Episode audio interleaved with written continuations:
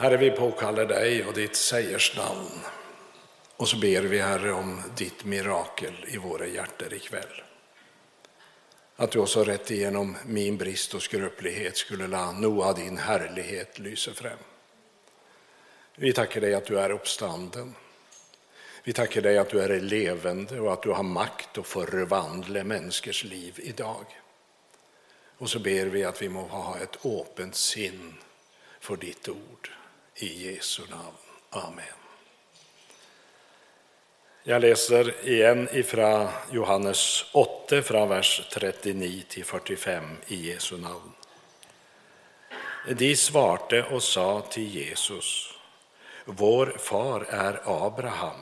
Jesus säger till dem, var dere Abrahams barn, då gjorde dere Abrahams gärningar. Men nå söker dere och dräpe mig, ett mänske som har sagt dere sannheten. Den som jag har hört av Gud, det gjorde icke Abraham. Dere gör deras fars gärningar. De sa då till ham, vi är icke fött i hor, vi har en far, Gud. Jesus sa till dem, var Gud deras far, då hade dere älskat mig. För jag kommer från Gud och är utgått från ham. För jag er heller icke kommet av mig själv, men han har utsänt mig. Varför skönner dere icke det jag talar? Fordi dere icke tåler å høre mitt ord. Dere har djävulen till far, och dere vill göra efter deras fars lyster. Han var en drapsman från begynnelsen och står icke i sannheten, för det är icke sannhet i han. När han talar lögn talar han av sitt eget, för han är en lögner och lögnens far. Men för det jag säger dere sannheten, tror dere mig icke. Fordi det jag säger dere sannheten, tror dere icke. Då ska vi ta med det här från Hebreerbrevets tionde kapitel. Så la oss då trä fram med sannfärdig hjärte i troens fulla visshet med hjärte renset från en ond samvittighet. Och den tanken från Hebreerbrevet är fin att ha med sig när man läser i Johannes kapitel 8. För det är icke något som jag sa som är så förtärande som en vond samvittighet. Det tar vår kraft, både fysisk, psykisk och icke minst åndelig. Det gör det. Och vi är uppmanade till att bekänna Jesu namn och frälsesverk, stå öppet fram. Det betyder inte att vi duckar på folk i hytt och vär och snackar till alla om vär. Men vi prövar aldrig att skjula att vi är hans discipler, även om det icke är populärt. För ser du att vi måste stå öppet fram med vem vi tillhör. För det är bara han, nämligen, som kan ta väck skylden och ge oss en god samvittighet. För det är han som ger oss frimodighet till att tro att vi är fullständigt förlöst och frälst och fri.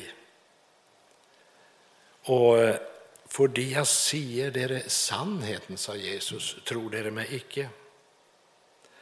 Från alla kanter ökar fiendskapen mot Gud i vår tid. Den som lever med öppna ögon ser det. Och därmed kommer fiendskapen mot Guds ord och så fiendskapen mot Guds barn. Och ändå bland bekännare kan man idag få höra ord som att ja, alltså jo, vi ska, ju, vi ska ju hålla oss till Bibeln, men vi må ju acceptera att vi lever i en annan kultur och kanske engagera oss lite mer i, i, i folks tankar och sociala problem. Och då ska de nog förstå evangeliet. Jag har nästan sedan jag kommit till tro hört i olika puljer det här vad vi ska göra för att folk ska förstå evangeliet. Låt mig säga det så enkelt jag kan. Det kan inte förstås. Det må uppenbaras. Det här var helt främmande för mig när jag växte upp. Och jag hade aldrig drömt om att bli en kristen, i vart fall inte predikant. Men det går inte alltid som vi har tänkt, heldigvis. Men du ser alltså att problemet är icke att de icke kan förstå budskapet. Problemet är att mänsket älskar mörker framför lyset. Det fallne mänsket vill vara sin egen herre. Ingen ska komma och fortälla mig vad jag ska mena och se, säger man. Och i kapitel 8 i Johannes så ser vi att det var akkurat på samma måte när Jesus ropte ut sitt budskap. Så det är alltså inte något nytt med motstånd. Jesus var det visst också något galt med. Ofta stod han hjälplös faktiskt, för att tillhörande ville icke höra sannheten och tro. Men för de jag säger dere sannheten, tror dere mig icke, säger han. Det vill säga, om han hade sagt något annat än sannheten, då hade de trott han. Det är synden i ett nötteskall. Alltså när motståndarna följer de mister grepet om samtalen med Jesus. Då går de vidare och minner dem om en lögn, om undskyldningar, om mord. Alltså Jesus, han påminner dem att allt det där de driver med det är djävulens verk och icke Guds. Lögn och beskyllningar. Hur kan dere påstå att dere är Guds barn? Och till samma tider brukar dere løgnerens metod och teknik och taktik. Och då är de hurtiga med att slå tillbaka. Och du ska se att nå, nå är den pene tone virkelig fraværende, altså. Humöret blåser upp. Hör vad de säger. Sier vi icke med rette att du är en samaritan och en besatt? Nå var det sagt. Men problemet med deras argument det är ju att det de har hört om Jesus det är rykter och skvaller, falska rykter. Förtal som grundar sig på ryktet att Jesu riktige far, det är icke den gode Josef, men en föraktelig samarier.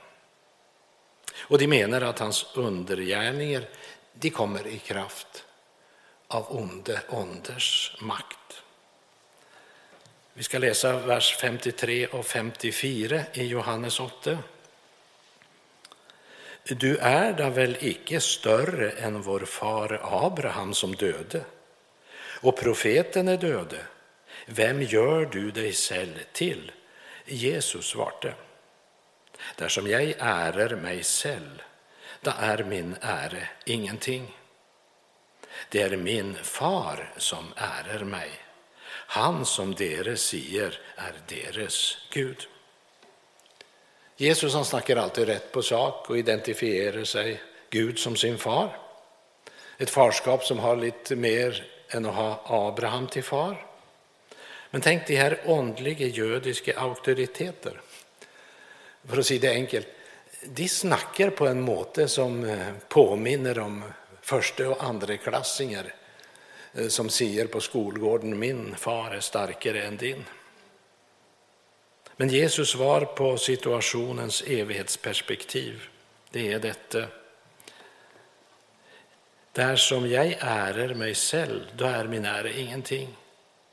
Det är min far som ärer mig, han som deras säger är deras Gud. Och så vers 56.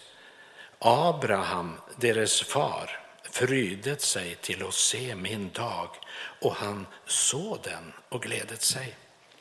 Det var en vanlig judisk uppfattning. Det snacket man om i hela den judiska tro. Så mente man det att Abraham, han hade fått se Messias dag. Han hade fått uppleva det. Och Jesu motståndare uppfattade ju icke Jesus som Messias, men hånar han för det. Sannelig, säger han i vers 58, sannelig säger jag dere, jag är för Abraham blev till. Alltså, de judiska ledare de hade hävdat att de hade bara en far, och det var Gud. Och därmed slår de faktiskt sönder sin egen argumentation, icke sant? De sa att Jesus spottet, för det han påstod att Gud var hans far. Och nu har de själv i många vittners närvär sagt akkurat detsamma om sig själv. Hur kan man då se att denne man säger sig vara Guds son? Och så anklagar de han för det. Den här kampen har varit där från begynnelsen, förakten mot Kristus. Föraktet mot sannhetens lik den är framställd i Guds ord. Alltså, varför förstår dere icke min tale, säger Jesus? Fordi dere icke kan höra vad jag säger, det vill säga, dere lytter icke. Dere hör kanske orden, men dere lytter icke. Dere vill själv bestämma hur Gud ska vara. Alltså, dere vill nog ha med Gud att göra, ja. Men dere vill gå in genom en annan dörr, icke den trange port. Dere vill bestämma hur Gud ska vara. Jag tror Gud är sån och jag tror han är sån. Dere vill helt enkelt icke böja dere eller ydmyka dere. Dere vill icke gå in genom den trange dør. Men säger Jesus, det er ingen annen dør som leder till livet. Vi ska slå upp i Romarbrevets första kapitel.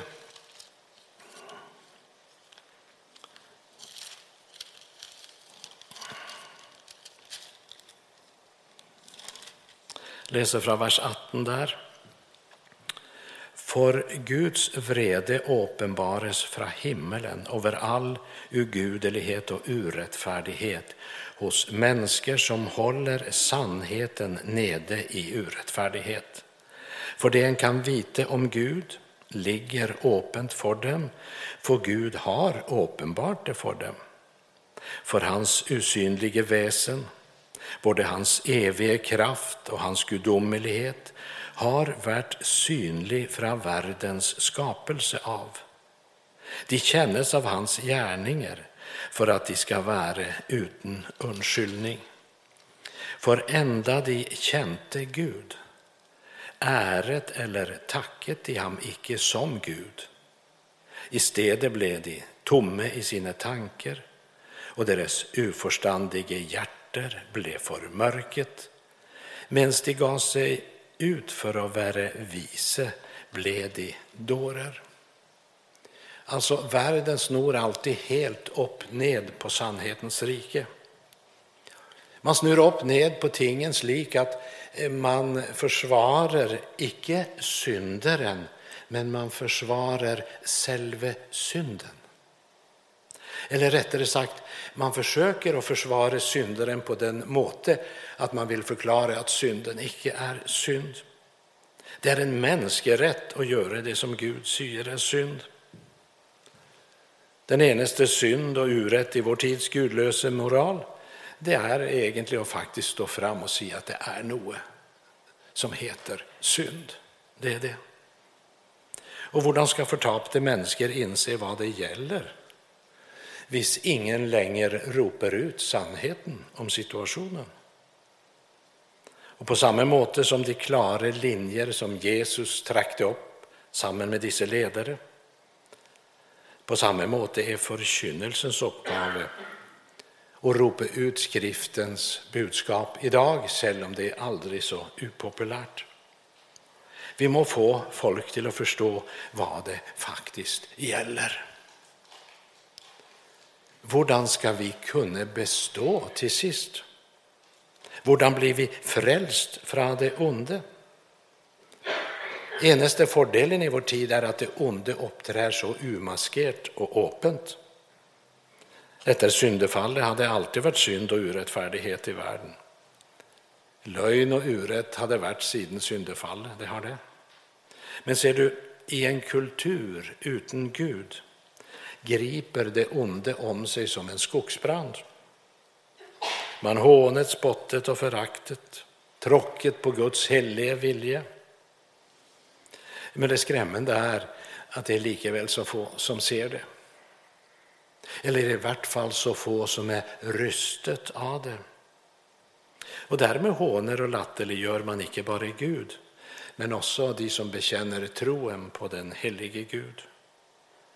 Och det här föraktet för Gud och för de troende, det kallar man för att vara upplyst.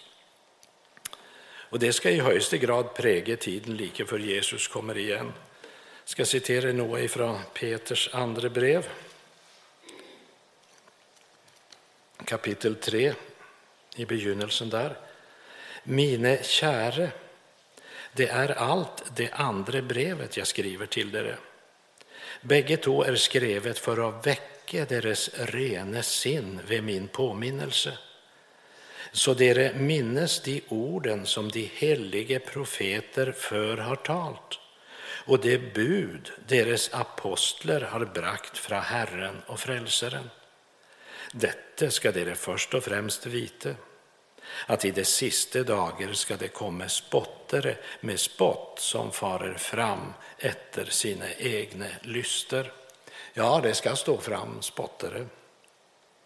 Men du må huska, käre vän, trots allt som sker i världen idag, för vi, det är en otrolig utförsbacke underligt sett. Men du må huska trots allt som sker i världen idag. Det har ännu icke skett någonting som icke samsvarar med Guds ord och som icke är sagt oss i Guds ord. Hela världen ligger i det onde, säger skriften, full av all slags urätt, umoral, griskhet, ondskap, missunnelse, mord, strid, svik och falskhet. Jag bara hör baktalare, gudshatare, våldsmän, övermodige storskrytare, uppfinnsamme till ont, ulydige mot föräldrar, uförstandige, upålitlige, utan naturlig kärlighet, ubarmhjärtige. Och därför skulle det här som sker nog egentligen inte skrämma oss eller överraska. Det är faktiskt akkurat det Guds ord säger. Så låt oss läsa ordet. Jesus säger, la icke hjärte bli grepet av angst eller motlöshet. Du vet, när något är mangelvare så snackar alla om det. Det blev förtalt mig att eh, under krigstiden, du vet, Sverige kom ju lindrigt undan. Den enaste stora nöden där var att det fanns icke riktig kaffe att få tag i, för det var krigstid. Så det var en som sa det att om du ser två vuxna manfolk stå på vägen och snacka så kan jag i förväg se vad de snackar om. Alla snacket om kaffe, för det fanns icke. Så det är ju ganska naturligt att alla idag snackar om kärlighet och fred. Icke sant? Det är det som totalt manglar. Alltså, man ser icke sammanhängen mellan en kultur utan Gud, utan etik, utan moral och hvor det fallne människan har satt sig själv i centrum. Så cellivets tillfredsställelse har blivit livsmål och rättighet. Då kan det ju inte bli annerledes. När freden och lyset är borta eh, när man så som en följe av detta naturligt nog må höste frukten av all gudlöshet, då säger man det är så mycket ont i världen, det kan icke finnas någon Gud. Jag är inte alltid så imponerad av världens logik. Det finns en god och en helig Gud som har uttalat sin gode vilje och så säger mänsket, det vill vi inte höra på. Vi vill strunta i den gode och helige vilje. Och då blir det ju ont. Inte sant? När de flesta väljer det som är ont och så tänkt efterpå så konkluderar man, Där kan det ju icke finnas någon Gud. Ja, som jag sa till en man, det är icke rart det är så mycket ont i världen. De alla människor lever ju i samsvar med tio Guds bud. Det är därför det är så ont. Alla lever i samsvar med Guds bud. Kära vänner, fred etterlater jag dere. Min fred ger jag dere. Icke den fred som världen ger. La icke hjärte bli grepet av angst och motlöshet. Alltså, det är ett budskap som ger hopp mitt in i vårt djupaste kaos. Vis vi verkligen lär han få slippa till i våra liv. Han är icke en hobby, han är något man bara, icke något man bara ser man tror på. Han är något man har en relation till. För du ser det att människor idag visar till sin intelligens och sin kunskap och vetenskap och utveckling. Och så ser man icke att i samma tid som alla ting utvecklar sig så utvecklar sig också det vonde i en rasande fart. Vålden är blivit gränselös. En av de här stora filmskapare i Hollywood skulle hoppa av. Jag orkar inte mer, sa han. Han var ingen kristen. Men han sa, jag maktar inte mer. Varför inte det? Det är icke något intressant och givande eller skapande längre att skapa film. För det att nu är det bara våld. Och när vi har lagt en film med våld så må ju nästa film vara mycket, mycket värre.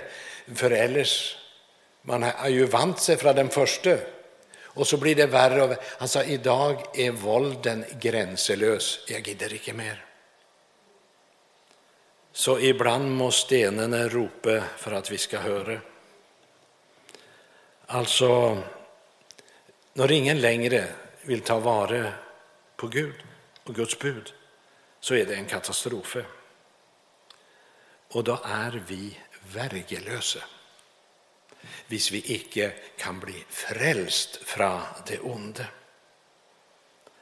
Alltså, ser vi det icke? Eller tör vi icke se vad det egentligen handlar om? Det är det stora uppgöret. Kampen mellan liv och död. Kampen mellan livslögn och livssannhet. Kampen om menneskesjelen Kampen om det demoniska eller det gudomliga. Du ser, första betingelse för att bli räddet. Första betingelse för att bli frälst från det onde.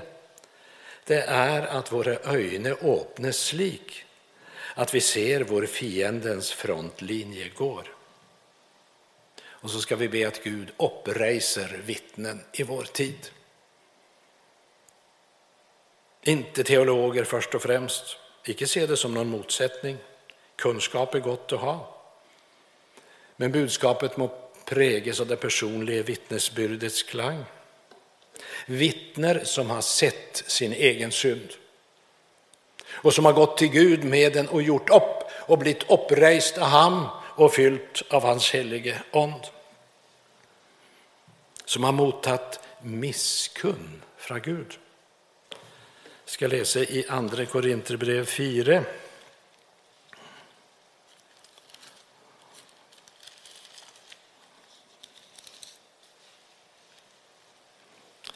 Från vers 1 ett stycke, hör. Därför där vi har denne tjänesten, i och med att vi har fått misskunn, mister vi icke mot det. Vi har sagt fra oss alle skamliga snikvejer och farer icke fram med list. Heller icke förfalsker vi Guds ord, men vid att lägga sannheten öppet fram anbefaler vi oss för Guds åsyn till alla människors samvittighet är så vårt evangelium likeväl skjult, då är det skjult för dem som går förtapt. För denne världens Gud har förblindet i vantros sin, så de icke ser lyset från evangeliet om Kristi härlighet, han som är Guds bilde. För vi förkynner icke oss själv, men Kristus Jesus som Herre oss själv däremot som tjänare, för dere, för Jesu skull. För Gud som böd att lys skulle skinna fram i mörke, han har också latt lyset skinna i våra hjärtan för att kunskapen om Guds härlighet i Jesu Kristi åsyn ska lysa fram. Alltså, må Herren väcka oss till att hålla oss till Guds ord. Slik att att hålla sig till Guds ord, det betyder egentligen att förtrösta på hans löfter. Det betyder att ropa till ham och förvänta svar. Jesus säger, varför skönner dere icke det jag talar? Jo, fordi dere tåler icke att höra mitt ord. Alltså i Jesaja kapitel 5 så talar Herren genom profeten Jesaja om de människor som gör mörke till lys och lys till mörke, som gör bittert till sött och gör sött till bittert. Han säger, ve den som kallar det onde gott och det gode ont, som gör mörke till lys och lys till mörke. Alltså, det mänske som kallar det onde gott. Det mänske som försvarar synden kan naturligtvis icke tåla att höra Jesu ord. För Jesus säger ju sannheten. Märk de här två tingen från Jesaja kapitel 5. Märk de här två tingen och märk dig i vilken orden de kommer. Icke sant? Det begynner med att man kallar det onde gott. Det vill säga, det Guds ord säger är synd. Det säger man, det var bara sånt de, de trodde för. Det är bara sånt som mänskeregler har funnit på. Nej, alltså det, eh, det där som de kallade synd för, det är ju sånt som egentligen är gott för mänskligt. Och det här det kallar man för toleranse. Du kan se, med ordet tolerans brukar man idag till att bana väg för en ny moral. Gör vad du vill. Det är du som avgör vad som är rätt för dig. Ja. Du är fri till att göra det som föles bäst för dig. Och ser du, när man väl har vunnit fram med det budskapet, att det onde är gott och att synd icke är synd. Och då väljer man att leva i synd. Och då kommer nästa trin. Och där är vi nå. Ja, den amerikanske teologen Reinhard Niebuhr, han sa i 18, han levde 1892 till 71 och han sa allerede i mellomkrigstiden, sa han, då kom han med denna advarsel och profetiska uttalelse om vad som skulle komma. Reynolds säger, man kommer till att förkynna en Gud utan vrede som leder människor utan synd med hjälp av en Kristus utan kors till att komma in i en evighet utan förtapelse. Och där är vi virkelig nå. Och när man väl har brutit ner etik, moral och respekt för det heliga, då går man ett steg till. Nu tar man bort det här som man lanserade så starkt, toleransen. Det var i toleransens namn man sa att det onda var gott. Men nu tar man bort toleransen. För nu handlar det inte längre om att var och en ska finna ut vad han själv menar och vad han synes är rätt. Nu proklamerar man ensrättning. Alla må tänka likt. Det vill säga, man bestämmer vad du kan se, vad du kan mena och vad du kan tänka, vad du kan tro och ge uttryck för. Och en tid som denna så må vi minna varandra om Herrens ord i Andra Mosebok 23 2. Du ska icke följa mängden i det som är ont.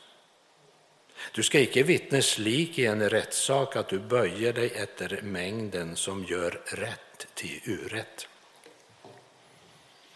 Du ska icke böja dig för det stora presset där man kräver att göra rätt till urätt. Och husk att det här är icke något nytt. Vi igenkänner det allerede ifrån Daniels bok, där vi läser om den här hedniske världensmakten Babylon. Hvor man fjärnar en vär röst som icke är enig i det som är politiskt korrekt. För denna nya nye politiskt korrekte moral, den säger icke bara att det de säger är rätt, men de kräver att alla må böja sig och godta denna sannhet. De kräver att var tunge ska bekänna det som är politiskt korrekt. Och nu är vi kommit nettopp dit, vänner. Alltså den sista tid för Jesu genkomst så kommer samfundet att präglas av det jag kallar en majoritetsdiktatur. Det är det vi kallar en demokratisk diktatur. Flertalet ska bestämma, men ingen får ha någon annan mening. Ingen får ge uttryck för andra meningar och tankar. Och då är vi där, där man gör mörker till lys och lys till mörker. Och då blir det Guds gode och helige vilje, något man kallar ont. Och jag repeterar, jag vet, jag har sagt det, jag gentar det bevisst. Andra Mosebok 23 2. Du ska icke följa mängden i det som är ont. Du ska icke vittnes lik i en rättssak, att du böjer dig efter mängden som gör rätt till urätt. Icke följ med strömmen. För du ser, denna världens Gud har förblindet i vantros sin, så de ser icke lyset från evangeliet längre. Men man är så förblindet att nu kallar man evangeliets lys för mörker. Och en slik avfallstid må vi som Guds barn aldrig glömma att mitt i allt detta är Gud virksom. Gud är på tronen ännu. Det är icke så att en dag vid morgonkaffet sitter Gud och läser avisen och förskräckes över allt det han ser ske. Ingenting är överraskande för han. Jag är Herren din Gud som förde dig ut av landet Egypt av trällehuset, säger han.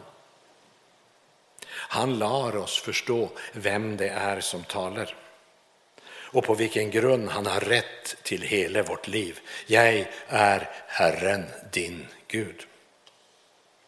Det vill säga, jag är himmelens och jordens skapare. Jag är den som skapade mänsket till min avbild, till barn, till arving och med ävner till att höra och förstå min vilja. Därför kan det aldrig i evighet bli tillatt att göra det som jag har förbudt. Gud är på tronen ännu och han kommer sine i hu. Icke glöm det när det stormar. Du ska huska att den första kristna menighet den växte faktiskt fram i Judeen, i Israel. Den gjorde det. Den bestod av apostlarna och de göder som kom till tro. Därefter kom också många hedningar till tro och blev genom troen Abrahams barn. Men så kom förföljelsen. Templet blev jävnet med marken. Jerusalem blev satt i brand och så blev Roma gjort till troens nya centrum. Men Roma var ju huvudstad i ett hedniskt imperium med avguderi, umoral och familjeupplösning.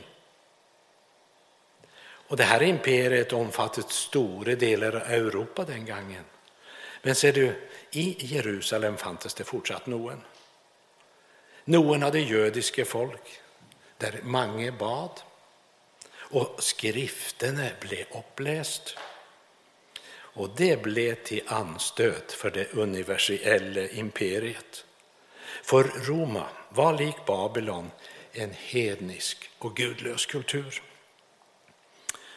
En gudlöshet vår Israel på ingen måte passet in. För det var ju ett truende irritationsmoment för det Roma som var planerat att bli ett världens rike. Men ser du, när troens centrum blev förflyttat från Jerusalem och till Roma så blev också troens rötter kuttet av. Husk att den första kyrke, den var starkt förankret i sina judiska rötter. Den första kyrke, den var icke komplicerad, men den var full av ond och kraft. Det var den. Väl grundfästet i skriften och löftet om Messias som döde för att försona mina synder. Tänk du, alla mina synder är försont. Jag har icke en fläck. Icke för att jag har levt så perfekt eller att jag kom till tro. Visste du allt om mig ville du kanske icke engang höra på mig. Men jag vill bara säga det jag känner ham som har försonat alla mina synder. Tänk!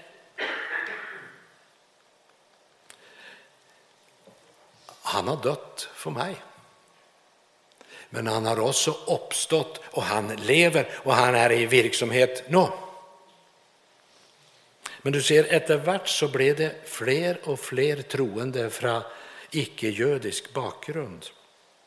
Och kyrkan beväger sig bort från sina rötter. De judiska apostlar och discipler döde. Och kyrkan beväger sig bort från sin upprinneliga natur och sina naturliga rötter. Och då blev den mer och mer komplicerad. Man beväget sig mer och mer mot att bli en institution, en maktpol. Det blev mindre av onden och mer av världen och mer av den världsliga kultur. Och man kuttade inte bara ut sina judiska rötter, man förkastade det judiska folk. Man kom så att se långt bort från Paulus bekännelse i Apostlagärningarna 24. Jag ska slå det upp.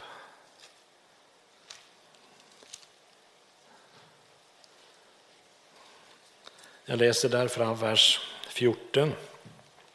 Apostlagärningarna 24, 14. Hör. Men det vedgår jag för dig att efter den vägen som de kallar en sekt tjener jag våre fedres Gud slik att jag tror allt det som är skrevet i loven och profeterna. Och jag har det hopp till Gud som också disse själv väntar på, att det ska finnas sted en uppståndelse, både av rättfärdige och orättfärdige. Därför lägger jag själv vinn på att alltid ha en uskadd samvittighet för Gud och människor. Det är det. Där är du tillbaka till samvittigheten igen, en ren samvittighet. Min vän, gå aldrig på ackord med samvittigheten. Gör inte det. Du ser, det judiska folk och troen på Abrahams, Isaks och Israels Gud, det har alltid varit en trussel mot Babelstanken. Och idag så möter vi också akkurat den här tanken på den universella enhet som ska samla alla ideologier och alla religioner i en enhetstanke. En tanke hvor alla må vara eniga i att det skriften säger är gott, eh, det är ont. Och det skriften säger är ont, det är egentligen gott. Men du ska icke följa mängden i det som är ont. Icke böja dig för mängden och gör rätt till urätt. Alltså, i en tid då man kräver att alla må vara eniga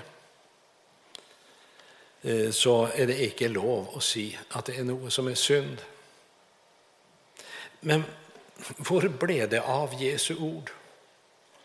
I Johannes 14 där han säger den som älskar mig håller fast på mina ord.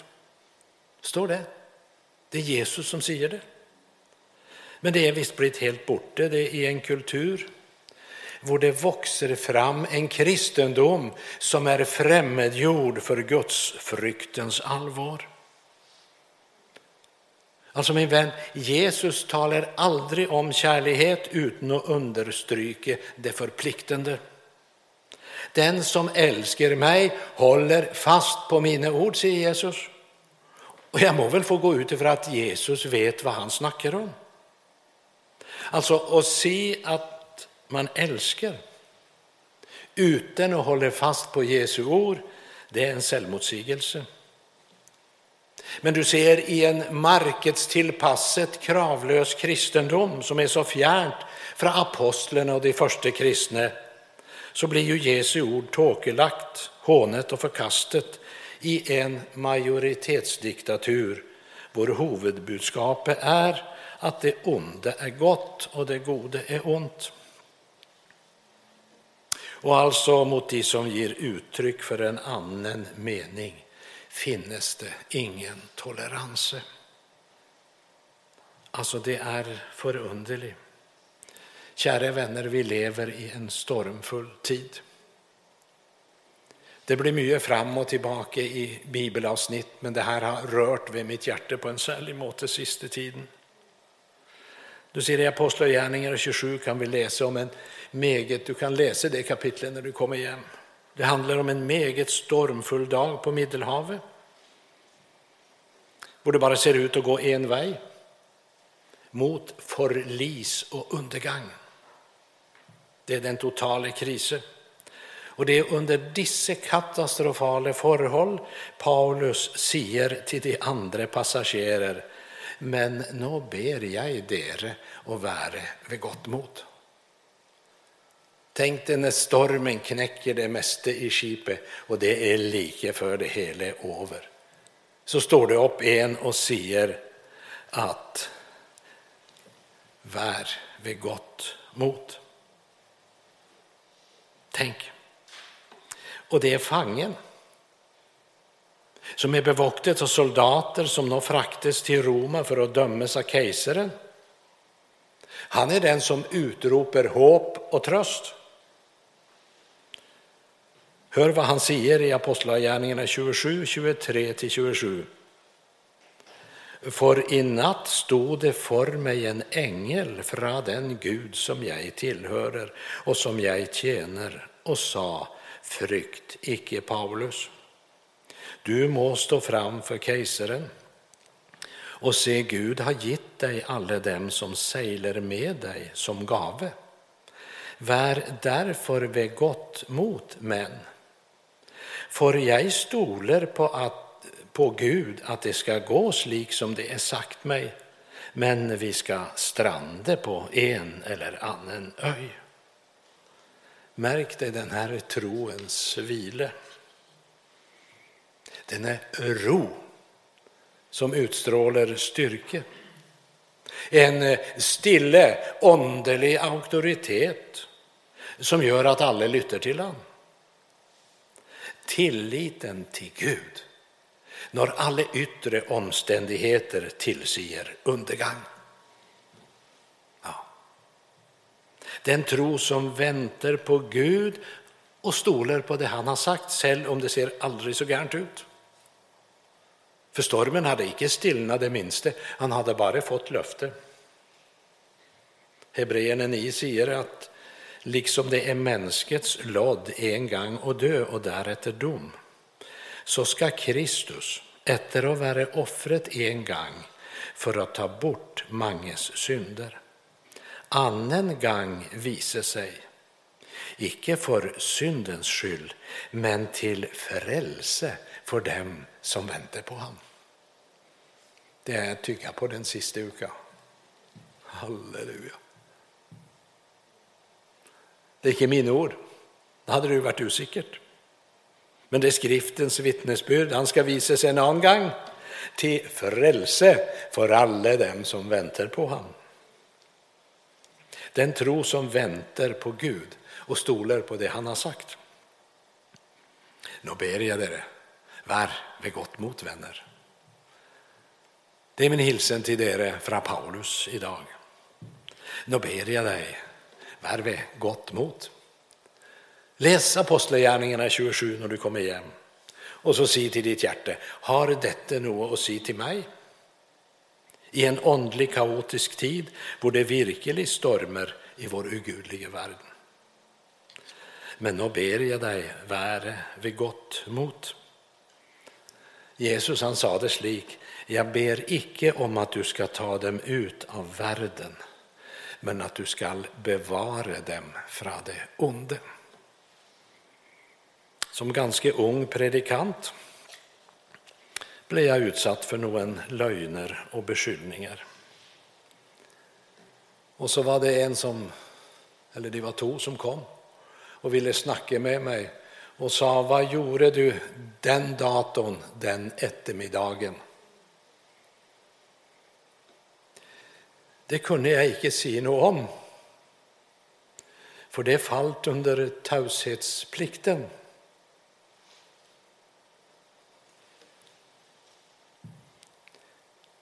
Jag skulle gärna sagt, jag sagt i en meget viktig själavårdssamtal med en förbrytare. Men jag kunde inte säga ett ord. Jag måtte bara säga att nej, jag kan inte säga något om den dagen. Och de två män såg meget förnöjda ut och sa, mm, ja, vi kan tänka oss det, sa de. Och det gav ju vann på kvarna. Det blev ont. Och jag kände att jag måste snacka med någon om det här. Det var så fristande att säga något som kunde berga mig men svikte uppgaven jag hade. Och så var det en prästman Alltså Gud är lite humoristisk egentligen. Jag är så lavkyrklig att det är nästan för mycket någon gång kanske. Men liksom jag gick uppvuxen i ett kristet hem, inom kristen tradition. Jag kommer helt utanför.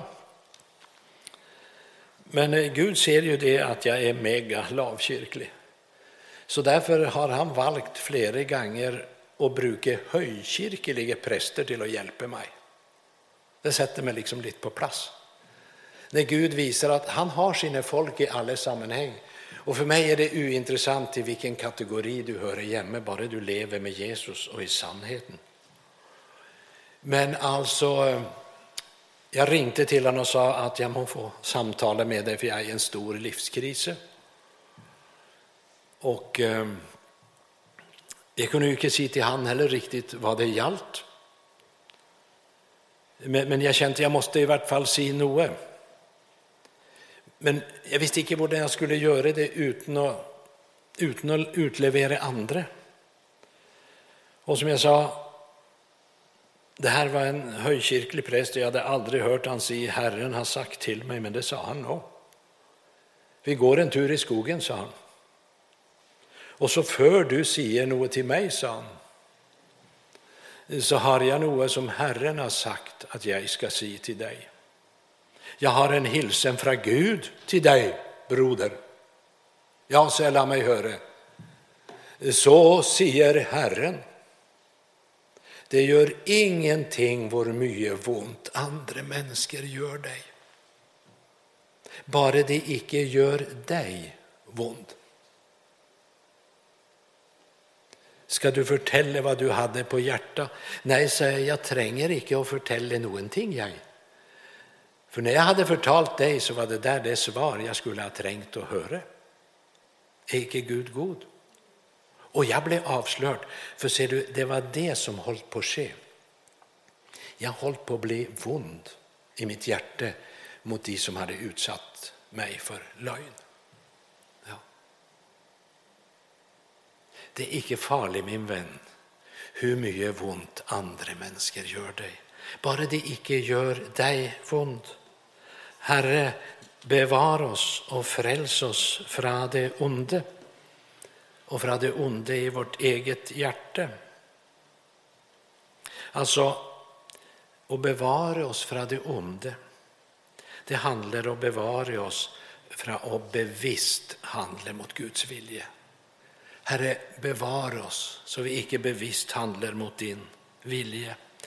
För ser du, syndens skjulte, kamouflerte fare, det är att synden förblinder. Förblinder oss lik att vi ser icke lyset från evangeliet längre.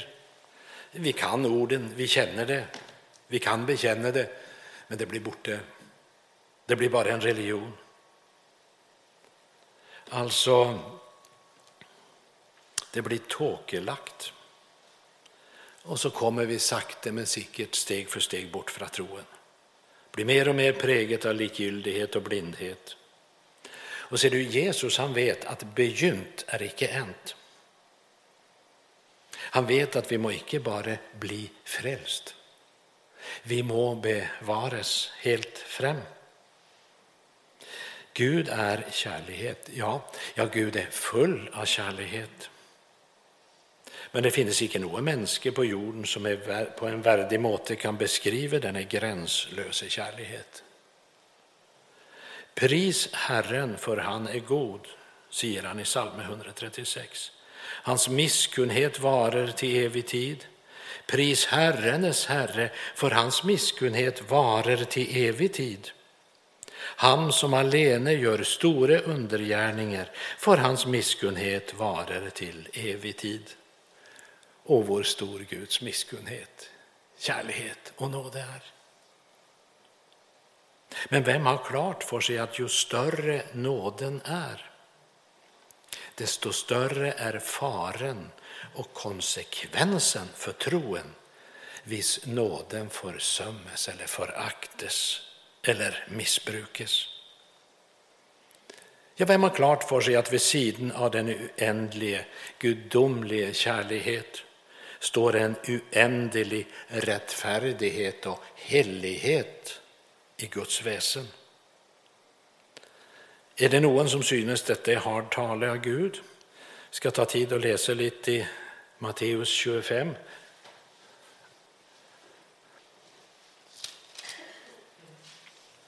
Da ska himmelriket vara och ligne med tio jomfrur som tog lamporna sina och gick ut för att möta brudgommen. Men fem av dem var oförståndiga och fem kloke. De oförståndiga tog lamporna sina, men de tog icke olja med sig. Men de kloke hade också tagit med sig olja i kannorna samman med lamporna sina. Da de drog ut för brudgommen kom, slumret de alle in och sov. Men mitt på natten löd det ett rop. Se, brudgummen kommer. Gå ham i möte. Där vaknade alla jomfruene och gjorde lamporna sina i stand. Men de oförståndige sa till de kloke, ge oss av deras olja, för lamporna våra slocknar. Men de kloke svarte, nej, det ville icke bli nok både till oss och till dere. Gå heller bort till dem som säljer och köp till deras säll. Men de var borta för att köpa kom brudgummen. Och de som var rede gick in till ham till bröllopsfesten och dörren blev stängt. Då är det över. Och dörren blev stängd. Det är min bön att du icke ska uppleva det. Du ser, Jesus säger, jag ber icke att du ska ta dem ut av världen, men att du ska bevara dem från det onde. Sannerlig, sannerlig säger jag dere, om någon håller fast på mitt ord ska han aldrig se döden, säger Jesus. Herre, skriv ditt ord in i vårt hjärta, slik att vi ser din härlighet, din kärlighet och din tillträckning. Tack Jesus att det kom en dag i mitt liv då du drog mig ut av fördärvets grop, där jag var bunden. Och tack för privilegiet att få följa dig och vandra med dig. Och så ber jag att du må hjälpa mig den sista vägstumpen eh, så jag icke är en av de där som präker för andra, men det står och så blev dörren stängd. Herre, tack att du vid ditt ord och din helige Ande kan bevara oss i livet. Vi ber, Herre, gör din gärning i vårt liv nettopp nå. Amen.